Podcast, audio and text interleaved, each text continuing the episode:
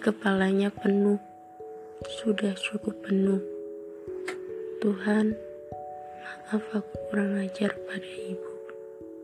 Bukan karena ingin berdebat dengannya, hanya saja ada sikap ibu yang tidak kusukai. Kita sama-sama berjuang, sama-sama lelah fisik dan pikiran. Tapi untuk apa jika cuma bisa saling mengeluh dan menunjukkan siapa yang paling lelah? Kita sama-sama tahu bagaimana rasanya. Lantas, jika ibu bilang ibu yang paling lelah, lalu bagaimana perjuanganku?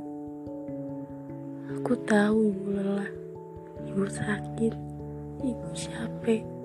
Aku cuma mau ibu sabar.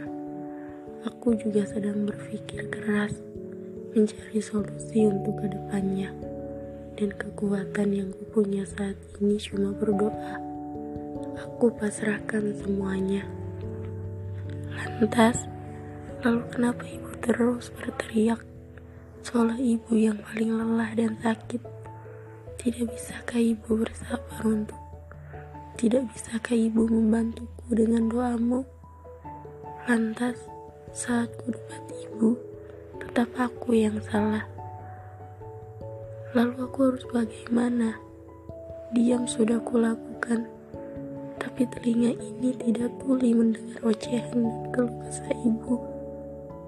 Bu, aku juga lelah mendengar ocehan ibu. Di mana tempat yang aman untukku? Kenapa Tuhan tidak kau uji aku dengan kekayaan? Karena obat untuk sakit ibuku adalah uang, dan aku tidak punya obat itu.